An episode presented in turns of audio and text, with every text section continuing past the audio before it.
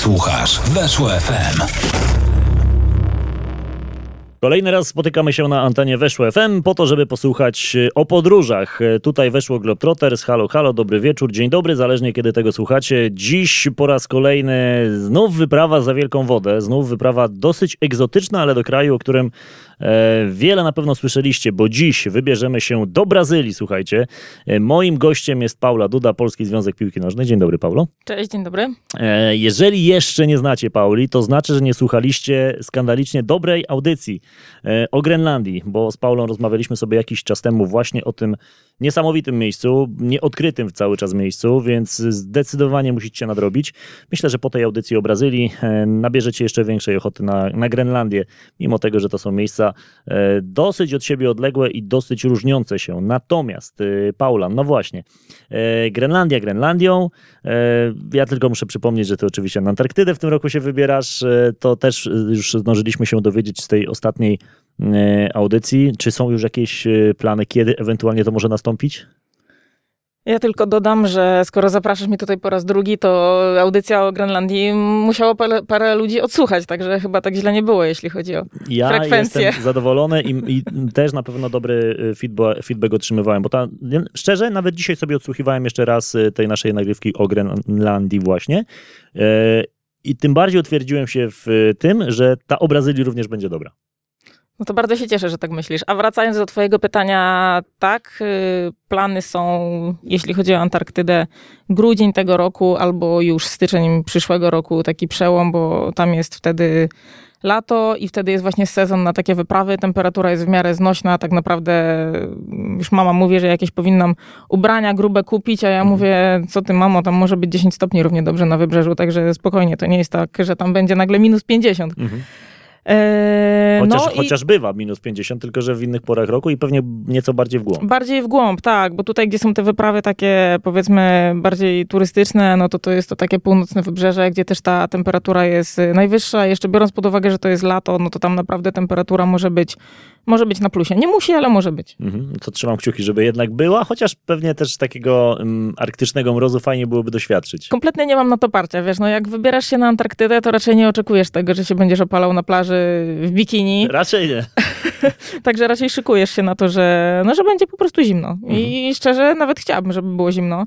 Wiadomo, że tam temperatura roczna na świecie rośnie i to nie jest dobre, więc no ja się śmieję, że muszę na tą Antarktydę jechać, póki ona jeszcze istnieje. Mhm. No, to, to, są, to prawda. To jest dość poważny argument. To jest bardzo poważny argument i, i będziesz no, w nielicznym gronie ludzi, którzy odwiedzili Antarktydę, na pewno najrzadziej odwiedzany kontynent ze wszystkich na świecie. Wiesz co, najrzadziej, ale też jak tak y, obserwuję, to sporo ludzi jednak y, tam się wybiera. Może niekoniecznie z Polski, bo, ale wyprawy są, nie? Bo tak naprawdę w Stanach Zjednoczonych i w Kanadzie są normalnie agencje, które takie wyprawy organizują. One niestety no, nie są tanie, wiadomo, no bo na Antarktydę nie polecisz sobie normalnie lotem rejsowym, to musi być zorganizowana wyprawa.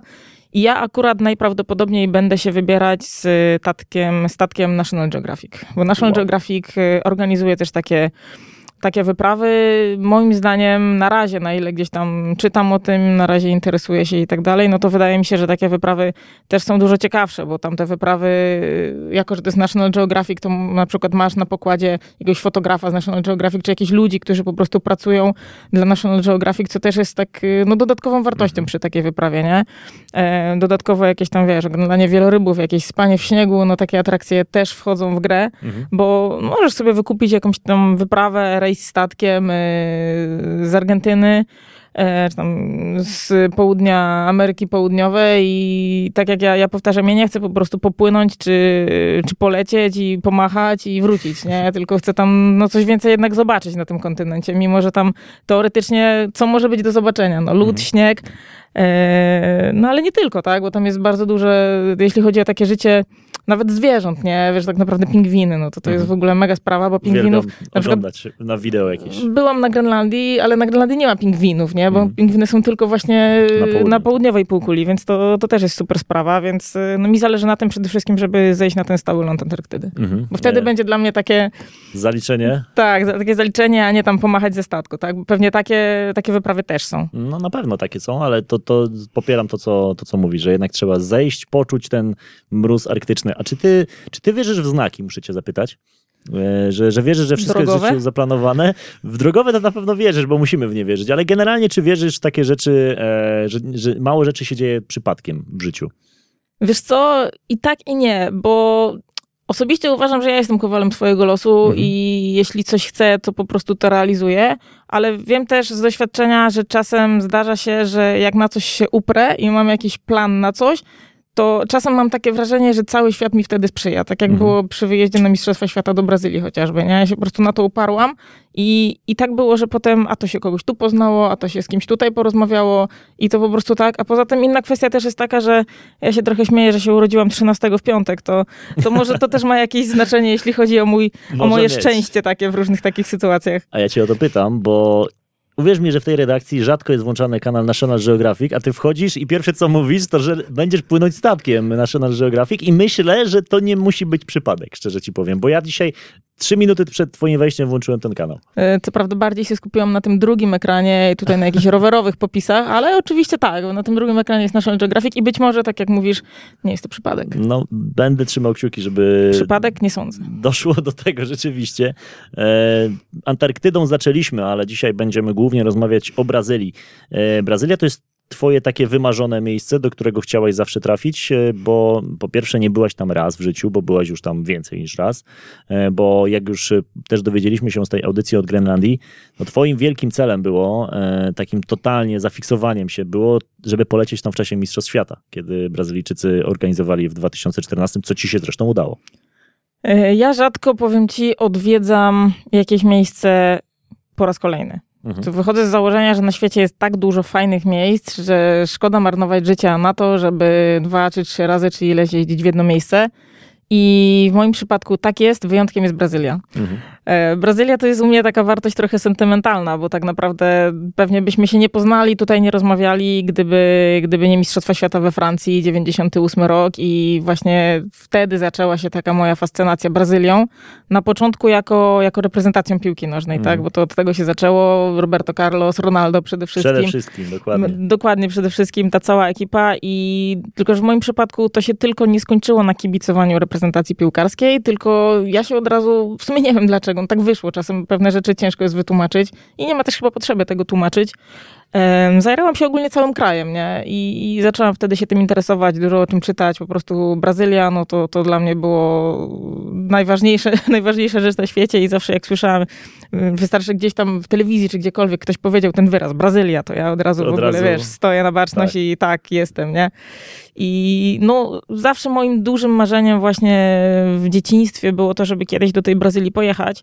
E, A pojechać na Mistrzostwa Świata do Brazylii to już jest w ogóle, no, nawet nie razy dwa, tylko razy dziesięć, nie? Mhm. To, to, to wszystko. E, No i wiesz co? To w sumie u mnie wyprawa do Brazylii na Mistrzostwa Świata rozpoczęła się, co ciekawe, w Stanach Zjednoczonych. Mhm. E, W jaki sposób? W 2011 roku wyleciałam do Stanów Zjednoczonych na ponad rok na taki program Oper, może kojarzysz, może nie. Mm, Mieszkałam u rodziny amerykańskiej, Okej, dobra. zajmowałam się dziećmi. Mhm, mhm. No to pewnie, oczywiście, że kojarzę.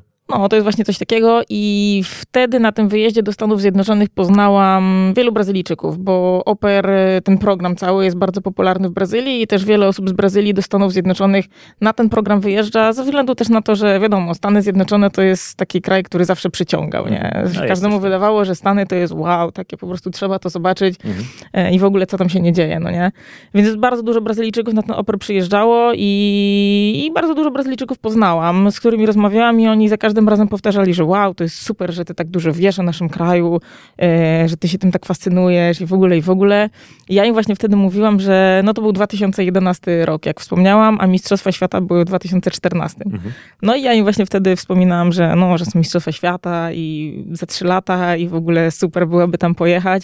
I oni mówili, no to tak jakbyś miała takie plany, już chciałabyś tam jechać, to w ogóle y, uderzaj do nas, my ci pomożemy, jak będziesz potrzebowała jakiegoś noclegu, porady czy czegokolwiek, no to śmiało, Mhm. e, śmiało wal jak w dym. No i szczerze, wydaje mi się, że właśnie gdyby nie to, to bym też się nie zdecydowała na to wszystko. E, bo ja w ogóle wybrałam się tam sama i to wszystko, co no sobie właśnie, organizowałam, to było... do Brazylii. Tak, ja poleciałam tam w ogóle sama i w ogóle, wiesz, z nikim innym i gdyby właśnie nie to takie wsparcie i ich pomoc i przede wszystkim, no pomoc taka właśnie w noclegu, bo potem Mhm. oczywiście skorzystałam z tej pomocy zaoferowanej, to być może w ogóle do tego wyjazdu by nie doszło. Dlatego no, ta wyprawa zaczęła się dla mnie w Stanach Zjednoczonych. Mhm. E, No i potem skończyłam licencjat, obroniłam pracę i tak sobie mówię, dobra, co dalej? Masz y, tam półtora rok czy półtora roku do Mistrzostw Świata. Mogę iść dalej na studia magisterskie, ale tu trzeba zarabiać na wyjazd do Brazylii, bo Mistrzostwa Świata są za rok, a czy tam za półtorej, już nie pamiętam jak mi to dokładnie było okresie, ale to mniej więcej właśnie w, taki, w takim czasie. Ym, a tu trzeba, wiadomo, troszkę pieniędzy na to uzbierać, położyć. żeby wyjechać. Mhm. Dokładnie, dokładnie To tak. nie są tanie rzeczy. To nie są tanie rzeczy, no na każdą wyprawę trzeba się poświęcić i coś tam, coś tam odłożyć, wiadomo. Mhm. Natomiast no dużym wsparciem było właśnie to, o czym wspominałam, także ostatecznie wyszło tak, że ja w tej Brazylii przez trzy tygodnie spałam w sześciu różnych miejscach i wszędzie za darmo. Okej. To- No to powiem ci, że dobrze zaoszczędziłaś. Ostatecznie tak to wszystko wyszło, no nie?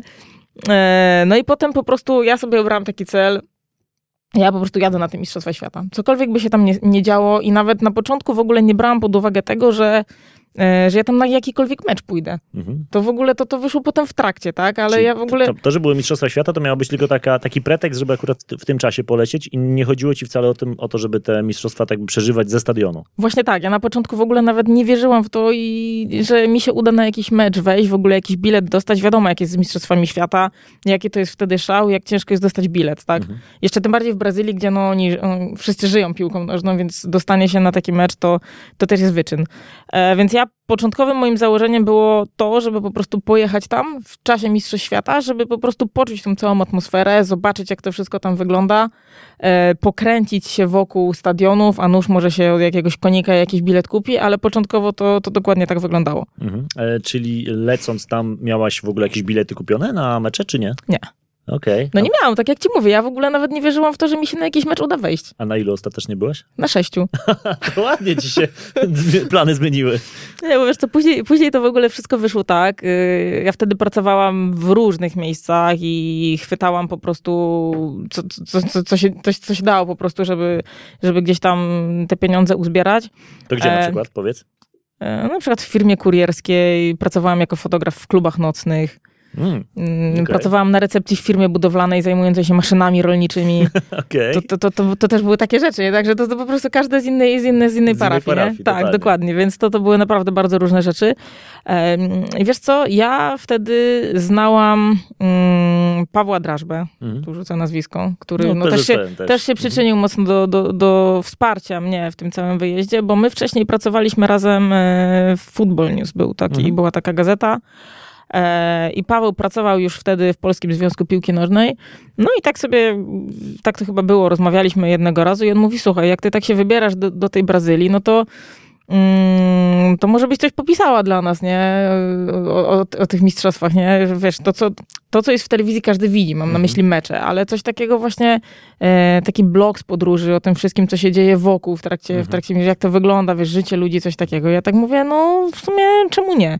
No i on mnie wtedy umówił w PZPN-ie do wtedy dyrektora Departamentu Mediów i Komunikacji, Janusza Basałaja. Mhm. Poszłam do niego na rozmowę i byłam w ogóle w mega szoku po tej rozmowie, bo nie dość, że no w ogóle on był też zajarany tym tematem, bardzo chciał, żebym ja to robiła, to jeszcze wiadomo, zaoferował mi za to też jakieś pieniądze. Mhm. To ja w ogóle byłam w mega szoku, że to się tak da. Mhm. To, to, to na takiej zasadzie. No wiesz, no ja w ogóle od jakiegoś tam marzenia, tego, że w ogóle tam pojadę i nie wejdę na żaden mecz, nagle do czegoś takiego. Jeszcze No wow. zarobisz, jeszcze wejdziesz jednak Znaczy na zarobisz, no tam się powiedzmy jakiś tam bilet lotniczy chociażby No, zwrócił, jasne. co, co już było w ogóle dla mnie też dużą rzeczą wtedy, no bo wiadomo, w Mhm. trakcie każdego turnieju, czy to są Mistrzostwa Świata, czy Igrzyska Olimpijskie, no to, czy nawet jakiś finał Ligi Mistrzów, nie, no to ceny w miejscu, gdzie to wydarzenie ma miejsce, to od razu razy 10 Tak, kosmos. to, to niestety tak jest, więc y, nawet te bilety lotnicze też dokładnie pamiętam, nie były wtedy mocno tanie, zresztą ja niestety nie mam szczęścia do bardzo tanich biletów lotniczych. Niektórzy, w poprzedniej audycji. no właśnie niektórzy tak. opowiadają czasami, że gdzieś tam jakiś bilet kupili za 30 zł, ale no u mnie się to akurat nie zdarza. Mhm. Pamiętam dokładnie, że za bilet do Brazylii w obie strony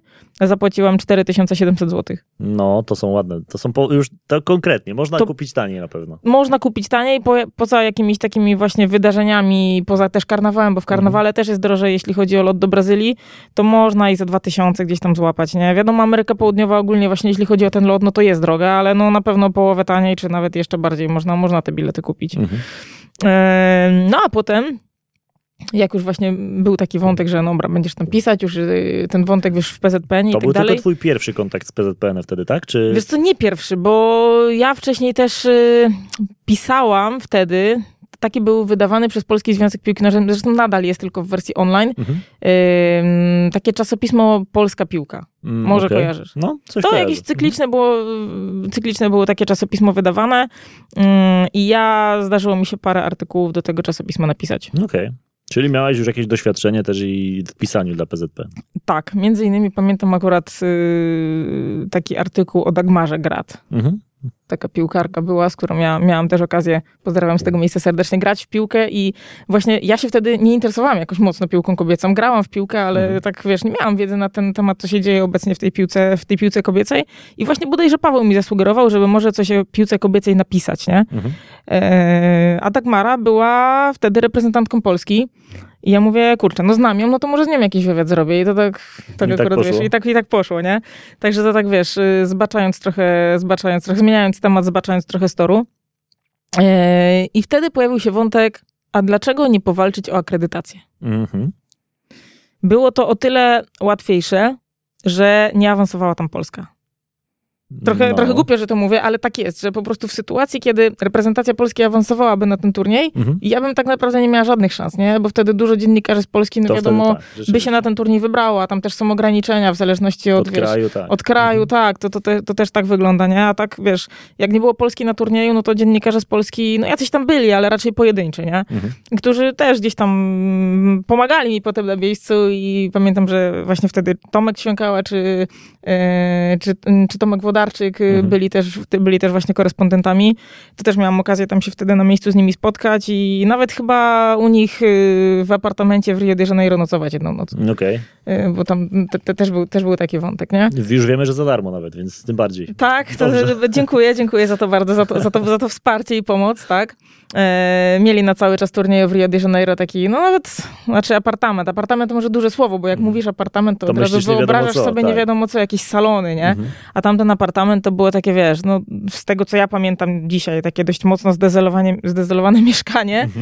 E, ja też pamiętam, spałam wtedy na jakimś takim łóżku, w ogóle nie polowym chyba, no nie, ale dla mnie to nie miało większego znaczenia, no, po prostu jasne. gdzieś tam przekiwać tą jedną noc y, w tym Rio i tyle, nie? Mhm. E, No i właśnie pojawił się ten wątek tej dziennikarskiej akredytacji, żeby spróbować po prostu e, dostać akredytację i tam wybrać się na jakieś mecze. E, Wtedy No z, dzięki z temu... ramienia PZPN chciałaś tą, y, o tą akredytację się udzie, udzielać, że um, ubiegać raczej, nie udzielać. Wiesz co, y, nie, to ja byłam chyba wtedy jako freelancer, na pewno na Copa Okej. America byłam też jako freelancer, Mhm. co ciekawe.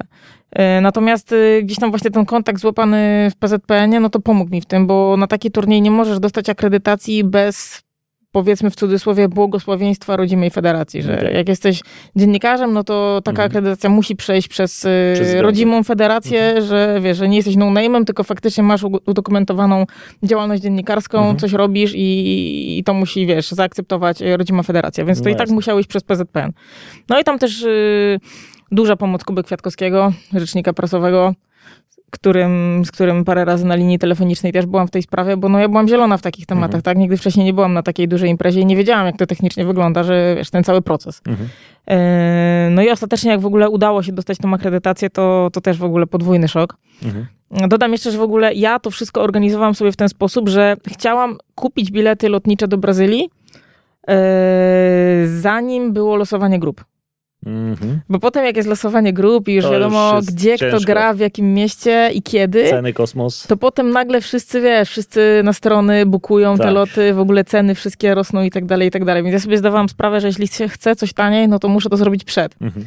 No w związku z czym ja to wszystko robiłam w ciemno i nie wiedziałam tak naprawdę, jakie będą danego dnia, gdzie tłumecze, tylko po prostu, dobra, najpierw tutaj bukuję, wiesz, y, lot do São Paulo, wtedy Mhm. do São Paulo leciałam i co będzie, to będzie na takiej zasadzie. No i wtedy miałam akurat takiego pecha, że byłam na Mistrzostwach Świata w Brazylii, Mhm. ale nie byłam na żadnym meczu Brazylii. Okej. To tak wyszło. A co ciekawe, byłam dwa razy na meczu Argentyny. No, to nie najgorzej tak ci się trafiło.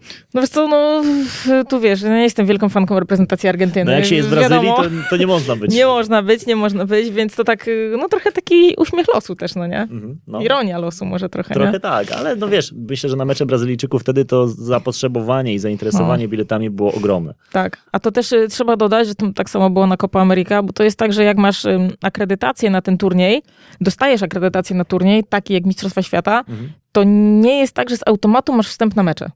Mhm. Masz akredytację na turniej, ale to ci daje wstęp do centra prasowego. Okej. Do centrum prasowego, które jest na każdym stadionie. Mhm.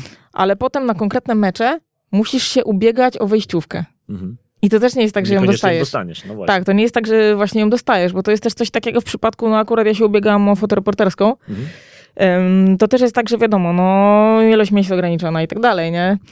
Ym, Przede wszystkim pierwszeństwo wyboru, bo to też są miejsca, to masz numerowane, wiesz, krzesełka za bramkami, Mhm. czy tam, wiesz, do, do linii 16 metra i wiadomo, no są miejsca lepsze i Lepsze gorsze. I gorsze, no tak. I, I też są jakieś, jest też jakaś po prostu hierarchia. Mhm. Pierwszeństwo mają, wiadomo, no, fotoreporterzy drużyn, które akurat grają w danym meczu. Mhm. Na drugim miejscu mają jakieś tam e, największe agencje i największe, powiedzmy, no, Redakcje. media, Mhm. redakcje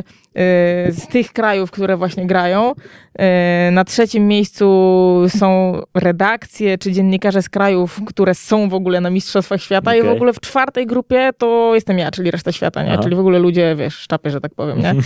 Więc no, mnie to akurat totalnie nie przeszkadzało w tamtym momencie, bo ja byłam tak zajarana tym, że w ogóle ja tam jestem, ja dostałam tą akredytację i tak dalej, że co będzie, to będzie. Mhm. Ale też y, pamiętam, że chyba na któryś mecz ja się znalazłam na liście rezerwowej, bo też jest tak, że właśnie aplikujesz Mhm. em, i jest też lista rezerwowa, na przykład ktoś nie przyjdzie, czy ktoś potem odwoła w ostatniej chwili, więc masz jakąś tam listę rezerwową, jakiś tam, wiesz. Y, I ja na jakiś mecz na pewno z tej listy rezerwowej się dostałam. Natomiast mm, na te wszystkie mecze, które aplikowałam, to się dostałam i nie było sytuacji, w której jest, byłam gdzieś, chciałam wejść na jakiś mecz i nie weszłam. Nie weszłeś, okej. To, to akurat było dobre, że, że mi się takie coś nie zdarzyło. No to trochę szczęścia też na pewno miałaś przy tym. Tak, ale generalnie właśnie cała ta przygoda z akredytacją i dostawaniem się na te mecze, to wiecznie było oczekiwanie w kolejce. Mhm. Były wieczne kolejki na wszystko. Właśnie najpierw, y, najpierw na to, czy się dostaniesz na mecz, potem druga właśnie, y, które miejsce będziesz miał jako ten fotoreporter, Mhm. a jeszcze trzecia kolejka, która też się zawsze od rana ustawiała, bo tam każde centrum prasowe było od godziny dziewiątej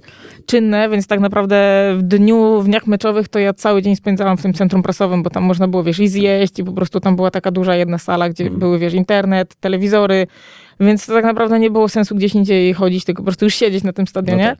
I trzecia kolejka była taka, na takich dużych imprezach masz y, wypożyczalnię sprzętu. Mm, fotoreporterskiego? Tak. Okej. Ja nie musiałam, wiesz, targać nie wiadomo czego z Polski, bo też Mhm. chciałam tego uniknąć. Wiadomo, jeśli jedziesz y, stricte po to, żeby zarobić na fotografowaniu, jesteś tam już takim, wiesz, turbozawodowcem i tak dalej, to wiadomo, no zabierasz wszystko ze sobą, tak. nie? Ale ja wiedząc to, że będzie taka wypożyczalnia i to masz do wyboru do koloru, masz wypożyczalnię Nikona i Canona, możesz tam Wow. wypożyczyć wszystko. Ale oczywiście, no też wszystko jest ograniczone. Mhm. Co nie jest tak, że wiesz, że nie wiem, 100 osób może wypożyczyć co chce. Mhm. Trzeba się ustawić w kolejkę. I ta kolejka, to ja pamiętam, jak pamiętam do dzisiaj te kolejki, jak właśnie otwierało się centrum, to centrum prasowe, godzina dziewiąta rano i jest tam to całe okienko, wypożyczalnia tego wszystkiego, Mhm. która oczywiście o tej dziewiątej była jeszcze zamknięta, bo ona się otwierała tam dobre parę godzin później, Przed jak mecz- tam no mecz był tak. powiedzmy, wiesz, 16 czy 18. No to wszyscy sobie zostawiali po prostu jakiś swój przedmiot. Taki był, takie, takie wiesz, leżała taka, taki rządek przedmiotów różnych, od jakichś tam monopodów, statywów, Aha. toreb, kartek, długopisów. Jakby miejsce w kolejce sobie Miejsce w zajmowali. kolejce, żeby po prostu nie stać tam fizycznie przez ileś tam godzin, to zajmowali miejsca w kolejce czymś tam, nie? I Mhm. to wyglądało pewnie komicznie. Mam też takie zdjęcie właśnie robiłam, jak wygląda taka kolejka. Ale co ciekawe, no nie wiem, może dochodziło do takich rzeczy, ale akurat w moim przypadku nie. No bo wiesz, jak zostawiasz coś, no to ktoś może, nie wiem, zabrać, zabrać. zabrać, przestawić, No no, tak. wszystko się może tam wydarzyć, nie? Ale z tego, co, nie wiem, jakaś taka, może jakaś taka solidarność wtedy następowała i Mhm. naprawdę takich rzeczy, no nie było z tego, co pamiętam. Ja nie miałam nic takiego, że wiesz, coś mi, nie wiem, albo zginęło, albo zostało przestawione w inne miejsce. Mhm. Ale też po się prostu- ustawiałaś w tej kolejce. No też... oczywiście, że tak. No ja właśnie, wiesz, no, z tego powiedzmy tam żyłam, jakiś tam aparat miałam swój, Mhm. ale jakiś tam obiektyw lepszy, no to zależało mi, żeby wypożyczyć. I z tego, Mhm. co pamiętam, też na każdy mecz mi się udało coś tam wypożyczyć. No Okej, no s- sprzyjało ci e, wtedy, No tak- opatrzność ci, ci sprzyjała. Opatrzność sprzyjała, tak jak mówiliśmy, 13 w piątek. Czasami to jest szczęśliwa trzynastka. Ale pamiętam też, że w tych centrach y, prasowych było strasznie zimno, bo wiesz, w Mhm. Brazylii jest y, coś takiego, że klimatyzacja Mhm. to jest taki luksus. Okej. Nie każdy sobie może na to pozwolić. W związku z czym, jak już gdzieś jest klimatyzacja, to, To ona na po full. prostu na full, na maksa, żeby pokazać, że ona jest. Więc ja tam siedziałam, ale strasznie marzłam. Mhm. W Brazylii, to, to jest dopiero hit, że można w Brazylii też zmarznąć. Można zmarznąć, ale też fajne w tych centrach prasowych było to, że tam y, no, też się przewijali dziennikarze i różnego rodzaju komentatorzy z różnych krajów. Więc Mhm. ja tam spotkałam i Roberto Carlosa, który mecze komentował i pamiętam, że Filane Villa i Alessandro Del Piero, to tam po prostu oni Mhm. Wow. chodzili po tych centrach, tak, tak, także można było ciekawych ludzi też tam spotkać. Jakieś zdjęcia udało się zrobić z tymi No mam. zawodnikami? Z kim? Dawaj. No z tymi, co wymieniłam. Czyli Carlos, Del Piero, Neville? I Phil Neville. Okej. Jeszcze chyba Juninho Pernambucano. No, to też kozak. To myślę, że to, To- no, nie, ja bym chyba nawet najbardziej Rzuty wolne. Roberto Carlos, właśnie Juninho, kto z nimi najchętniej. No to wiadomo, Brazylijczycy też, nie? No tak, tym bardziej, że to właśnie Brazylijczycy. Ale to ja, ja mam podobnie. Ja też się wychowałem na tym Mundialu 98 najbardziej, na Brazylii właśnie. To była taka pierwsza drużyna, która mnie strasznie zajerała. No i do dzisiaj Ronaldo to jest, wiadomo, naj, najlepszy piłkarz. No ja po tym finale płakałam strasznie. Ja go wyparłem w ogóle. Nie pamiętam, co się działo ze mną po finale, ale pamiętam, że było źle. Jako, ja miałem wtedy 9 lat i bardzo mocno to przeżywałem. Słuchaj, ja wtedy też miałam 9 lat. Pierwszym, ja nie oglądałam wtedy całego turnieju, e, tylko pamiętam, że ja zaczęłam w ogóle od półfinału z Holandią. Także no, bardzo ty późno. Tak na gotowe przyszłaś ja na gotowe trochę przyszłam, no nie, bo wcześniej no gdzieś tam leciały te mecze, bo tam Mhm. tata oglądał, no ale to, to wiesz, tak się człowiek za bardzo tym nie emocjonował jeszcze wtedy. Mhm. I tak siadłam po prostu na tym meczu z Holandią, tam w ogóle pamiętasz, rzuty karne były, Tak. nie? Mm, No i tak zaczęłam, wiesz, tatę pytać co i jak i właśnie wtedy już tak Mhm. miłość Wtedy- do Brazylii zaczęła kiełkować, a potem finał to już wiadomo, przeżywanie na maksa. Mhm. No niestety finał skończył się jak No się właśnie. skończył. Złe finał sobie wybrałaś. Więc ewidentnie. tam było dużo płaczu, ale no nie jestem sezonowcem, bo równie Mhm. dobrze, no nie wiem, przegrali finał i to Mogłaś być z. Kretesem mogłam zmienić swoje upodobania i Mhm. nagle, dobra, to ja będę za Francją. A tu nie, ta Brazylia mi pozostała i potem rok później, w 99 roku była Copa America. Mhm, dokładnie. I ja wtedy też te mecze po nocach oglądałam. Mhm. Bo tam wtedy, ja pamiętam wtedy, bodajże był taki piłkarz Amorozo, nie? I Oczywiście. on, w, Mhm. I on właśnie, chyba w sumie to był jego taki najlepszy turniej życia, nie? Że on się Bo wtedy jakiejś tak... takiej wielkiej roli nie odegrał w reprezentacji Brazylii. Właśnie Nie, poza ale właśnie ja go, ja go bardzo mocno pamiętam właśnie z tego turnieju. On nie grał wcześniej na Mistrzostwach Świata i właśnie na tym Copa America w 99 roku to Amorozo chyba w ogóle miał taki rozkwit w ogóle swojej Mhm. kariery, z tego co pamiętam. Marcio Amorozo, on grał w Borussii Dortmund. Tak, E, też. w Europie na pewno go najbardziej z tego klubu możemy kojarzyć. E, No rzeczywiście, sprawdzam, 19 meczów, 9 goli na przestrzeni lat 95-2003, ale pamiętam go właśnie z Bundesligi, ja się wtedy też strasznie Bundesligą jarałem i, i no ale wtedy był przepych Brazylijczyków w ataku, więc on tam nie mógł No się... słuchaj, no dość powiedzieć, no pamiętasz Giovanni Albera? Oczywiście, on też, On- miał, on też nie grał w I on nie, on reprezentacji. nie zaistniał w reprezentacji Brazylii, to, ale to wynikało z tego, że no było po prostu za dużo napastników, nie? Beto, Ronaldo, Pamiętasz, że był Romario, Bebeto, wcześniej był Romario, Rivaldo, tak. No było po prostu ich dużo, więc no po prostu Giovanni Elber, no bardzo dobry napastnik, no Mm. gwiazda Bayernu Monachium, Tak. ale nie łapał się do reprezentacji Brazylii. No, grywał jakieś mecze, ale nigdy nie odegrał Mm. żadnej, wiesz, roli tak naprawdę kluczowej Dokładnie, no. w niczym. Amorozo ru- bardzo, bardzo podobnie. E, No dobra, to wracamy do tego, jak dostajesz tą akredytację. Jesteś jeszcze w Polsce, dowiadujesz się o tym, że jednak będą mecze e, i jak wygląda w ogóle ten cały proces planowania, bo już powiedziałaś, że za żaden nocleg nie musiałaś zapłacić. No tak wyszło, ale to też, no już wspomniałam o tym. Mhm. Yy, ten cały mo- mo- motyw planowania. Wiesz co, no ja byłam właśnie dogadana właśnie z tymi ludźmi ze Stanów Zjednoczonych i co ciekawe, właśnie miałam taką bardzo fajną koleżankę, którą po- poznałam e, w Stanach Zjednoczonych i ona też mi tam oferowała, jak ktoś tam potrzeba, to wiesz, jej rodzina mieszka w São Paulo, nie ma problemu. I tam była taka sytuacja, że ona w ogóle nie wróciła wtedy z tej Brazylii i ona mówi, że no nie będzie jej w ogóle w domu, ale to w ogóle nie ma problemu, niczym się nie martw, ja tam powiem wszystko rodziną, rodzi- rodzinie, Mhm. mamie, tacie, tam brata mam i oni się tobą zajmą, więc w sumie no też ją podziwiam, także wiesz, no mogło być tak, że nie no, mnie nie ma na miejscu, to tak wiesz, To no nie bardzo, sama, nie tak. bardzo, nie? Ale ona nie miała z tym żadnego problemu, żeby wiesz, no rodzinie mnie podrzucić, tym bardziej, że jej ani mama, ani tata nie mówili po angielsku. Okej. Po angielsku mówił tylko jej brat. Mhm. On mówił dobrze po angielsku. E, Jej mama gdzieś tam, coś tam się uczyła, ale też słabo. A jak już jesteśmy przy wątku języka, Mhm.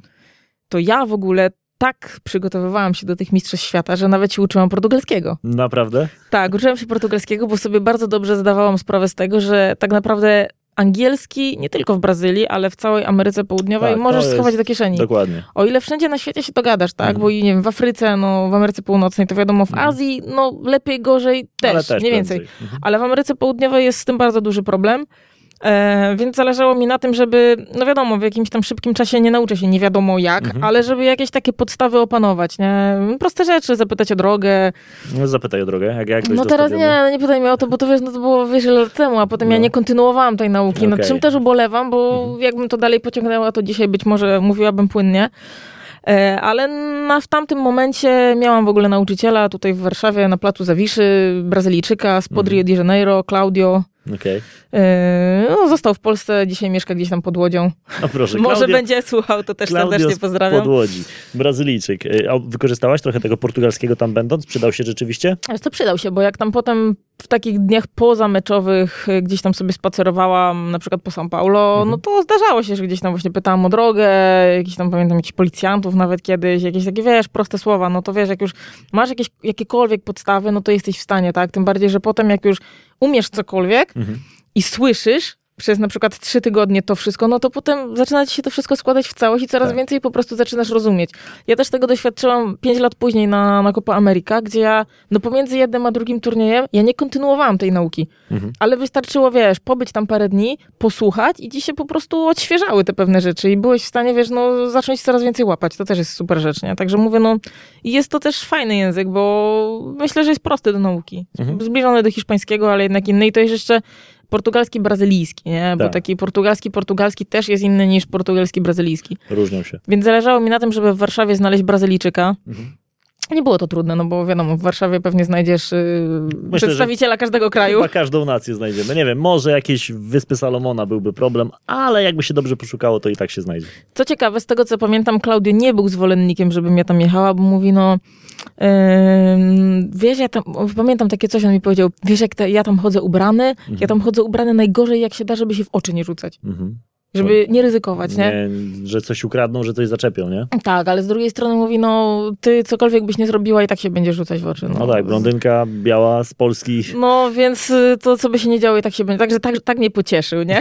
to cię zachęcił. Zachęcił mnie bardzo, także A no, miałaś właśnie coś takiego, że przed wyjazdem trochę się jednak jakieś obawy włączyły, że może jednak y, warto to przemyśleć albo zrezygnować? Wiesz co, szczerze, trochę tak. Mhm. Ale u mnie to była bardziej taka pozytywna adrenalina, nie? że nie mam czegoś takiego, że jak cały świat mi mówi, nie wiem, gdzieś tutaj nie jedź, czegoś Mhm. nie rób, to ja nie mam tak, że siadam i tego nie robię, tylko mnie to tak dodatkowo napędza. Mhm. Ja się trochę przygotowywałam w ten sposób, że zdawałam sobie sprawę, że nie dość, że to jest Brazylia, Ameryka Południowa, czyli no, kraj z założenia, że nie niebezpiecznie, nie nazwę tego niebezpieczne, bo niebezpieczny to jest Afganistan, nie? Mhm. Niekoniecznie Brazylia, ale no na pewno mniej bezpieczny i z większą liczbą przestępstw niż, nie wiem, w Europie, tak? No Mhm. jest to normalne, więc nie panikowałam, ale też szykowałam się na to, że jeszcze w okresie takim, jakim są Mistrzostwa Świata, no to gdzieś yy, powiedzmy też ci ludzie tacy nie życzący koniecznie ci dobrze, no to będą chcieli, wiesz, zdają sobie sprawę, że jest dużo turystów Tak. i wiesz, yy, kradzieże i tak dalej, no to Mhm. może to wszystko być nasilone. Mhm.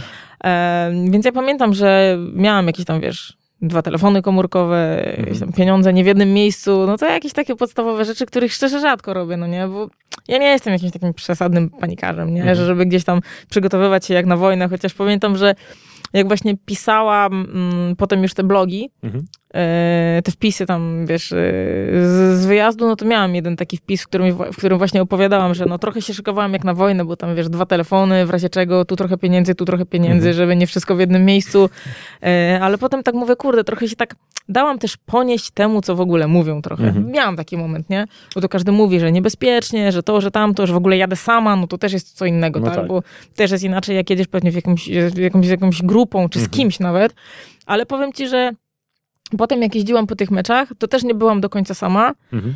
e, bo się potem okazało, że taki też kolega mój serdeczny, Grzesiu Wajda, Mhm. też fotoreporter, mm, też był na tych Mistrzostwach Świata. W ogóle byliśmy, e, z Polski było tylko dwóch fotoreporterów wtedy, na tym mundialu. Mhm. To byłam właśnie ja i Grzesiu Wajda, oboje z Kielc. Okej. Więc to Mocna taka historia, tak. reprezentacja z Kielc. Tak, i my wtedy, wiesz, też trochę połączyliśmy siły i tak jak jeździliśmy potem na linii Rio de Janeiro-São Paulo autobusami, no to Mhm. jeździliśmy razem. Okej. No. Więc to też, to też gdzieś tam to bezpieczeństwo trochę rosło. A dowiedziałaś się o tym, że on leci już tam będąc na miejscu dopiero, czy jeszcze w Polsce wiedziałaś, Nie, wcześniej się jakoś zgadaliśmy. Właśnie szczerze nie pamiętam, jak to wyszło, bo my się chyba wcześniej nie znaliśmy przed, Okej. y, przed tym turniejem. E, jakoś się tak zgadaliśmy, czy tam nie, pewnie media społecznościowe pomogły wtedy, nie? Że Mhm. coś tam ja coś wrzuciłam, on coś wrzuciło, siema, no to gdzie jedziesz teraz i spotkajmy się i wiesz, no zawsze raźniej jak masz kogoś. Oczywiście. On też tam był wtedy sam. E, więc no jeździliśmy tam razem potem, nie? Bo między Rio a São Paulo podróżowaliśmy właśnie autobusem. Mhm. E, to też jest w sumie ciekawa historia, autobusy. No To to jest dawaj. jedna z rzeczy, która mnie najbardziej w Brazylii zaskoczyła. Nie wiem, czy Mhm. ostatnio o tym rozmawialiśmy, ale, No, że? ale być może nie.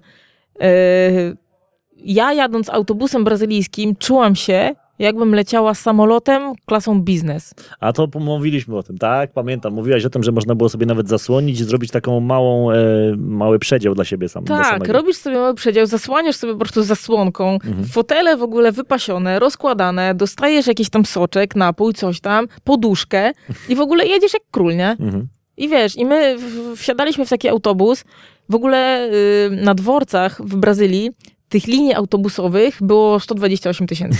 Tam po prostu wchodziłeś na ten dworzec, na tą halę dworca Mhm. i było po prostu 100 tysięcy kas różnych przewoźników. Tych przewoźników naprawdę było mnóstwo. Mhm.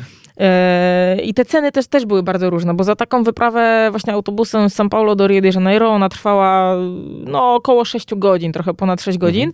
To się płaciło y, od 60 do 150 reali. Ile A, to czyli to nie były, no real jest mniej więcej tak jeden do jednego, trochę więcej Okej. niż złoty. Powiedzmy, że to było w tym najdroższym wariancie około 200 złotych. No to i tak Więc jak za taką cena, podróż, No. w takich warunkach, Mhm. to nie jest dużo. Mhm. To jest mało, tak. Po prostu. I ja byłam wtedy w mega szoku. Mówię, kurde, ja jestem w Ameryce Południowej, gdzie sobie wyobrażasz prędzej jazdę na przyczepce jakiejś, e, wiesz, po dziurach, po dziurawej ulicy, niż, niż coś takiego. Więc ja byłam w mega szoku i to była, była jedna z rzeczy, która w Brazylii mnie zaskoczyła najbardziej. Właśnie te Mhm. autobusy. I wiesz co, i tak się zastanawiałam, kurczę, a być może to jest dlatego, że są Mistrzostwa Świata, przyjeżdża dużo ludzi z zagranicy, może chcą się pokazać, podstawili takie autobusy, nie wiem, już nawet Mhm. takie myśli miałam, bo dla mnie to było nienormalne po prostu, że to zaprzeczało w ogóle wszystkim wyobrażeniom na temat w ogóle Brazylii, To nie? prawda. Ale potem, jak byłam e, na Copa America 5 lat później, Mhm. to też jechałam tym autobusem i on był taki sam. Co nie było Czyli tak? Jednak, znaczy może tak na imprezy tylko podstawiają takie te najlepsze. One tak to wiesz, stoją w garażu i tylko jak są Mistrzostwa Świata, Copa America, jak gra reprezentacja Brazylii, to je wyruszają one dopiero na drogę. Na niedzielę tylko. Tylko na niedzielę, dokładnie. Nie, ale z kimś, z kimś potem też rozmawiałam o tych autobusach i one po prostu takie jeżdżą. Mhm. Nie wiem, być może one są tylko takie pomiędzy dużymi miastami. Nie wiem, ale potem jechałam też takim autobusem i no, wyglądał dokładnie tak samo, także autobus zdecydowanie polecam. Mhm. No, raczej się wyobraża tak, że właśnie się jedzie jakimś autobusem, a tam jest y, ścisk, y, brudno, śmierdzi. No to takimi autobusami to się po Indiach właśnie, ja O. po Indiach takimi jeździłam, to to właśnie to jest to, o czym ty mówisz, no nie, Mhm. że jest w ogóle e, no syf, jedziesz po jakichś dziurach 20 na godzinę, to to tak jest, no to w Indiach, tak, Mhm. ale po prostu w Brazylii, no to szał. O tych Indiach też będziemy musieli pogadać, to tak w ogóle dygresja. E, skąd leciałaś e, z Polski, dokąd i jak wyglądała twoja podróż najpierw do Brazylii? Ile to wszystko trwało, jakie przesiadki? E, Ja wtedy leciałam przez Rzym Alitalią. Wylądowałam w São Paulo. Mhm. E, Wtedy pamiętam, ja to miałam, wiesz, zakrojone tak właśnie pod mecze wszystko, no nie, że tam był, pamiętam w São Paulo mecz, potem autobus do Rio, bo tam te mecze były tak trochę na zmianę, no nie. Mhm. W Rio mecz, potem autobus z powrotem do São Paulo, w São Paulo mecz, potem Mhm. autobus do Rio, no to kursowaliśmy trochę pomiędzy tymi, to było najłatwiejsze, tak? Mhm. Bo tych lotów yy, wewnątrz Brazylii też było dużo, bo tam te lin- tych linie lotnicze te, też jest sporo, ale no wiadomo, no, ceny już są No większe. właśnie. to ceny już są większe, tak. Natomiast wiado- wiadomo, no Brazylia to jest wielki kraj, więc tam są też bardzo duże odległości. Więc Mhm. tak naprawdę tym autobusem w takim normalnym czasie, no to mogłeś sobie pojechać właśnie tylko Rio São Paulo, nie? Mhm. Bo wszędzie indziej, no to już y, trzeba było lecieć Samolot. samolotem. Ale oprócz tych dwóch miast, no to byłam też na jednym meczu w Brazylii. No okej, stolica zaliczona. Stolica zaliczona, co też w sumie wyszło, y, że nie przypadkiem, bo wiedziałam, jakiś tam właśnie miałam plan na to, żeby gdzieś jeszcze coś innego i akurat tak mi podpasowało to, że jak sobie tam właśnie planowałam, była drabinka, to mówię, o, tego i tego dnia jestem, to jakiś ćwierćfinał zaliczę. Mhm. I tak sobie wtedy właśnie po prostu stwierdziłam, że do tej Brazylii polecę, że po prostu zobaczyć też e, inne miasto, no tym bardziej, że no stolica, no to tak mówię, też sobie coś tam pospaceruję, zobaczę, tym bardziej, że to też jest taka stolica, e, to, trochę taka jak Dubaj, no nie?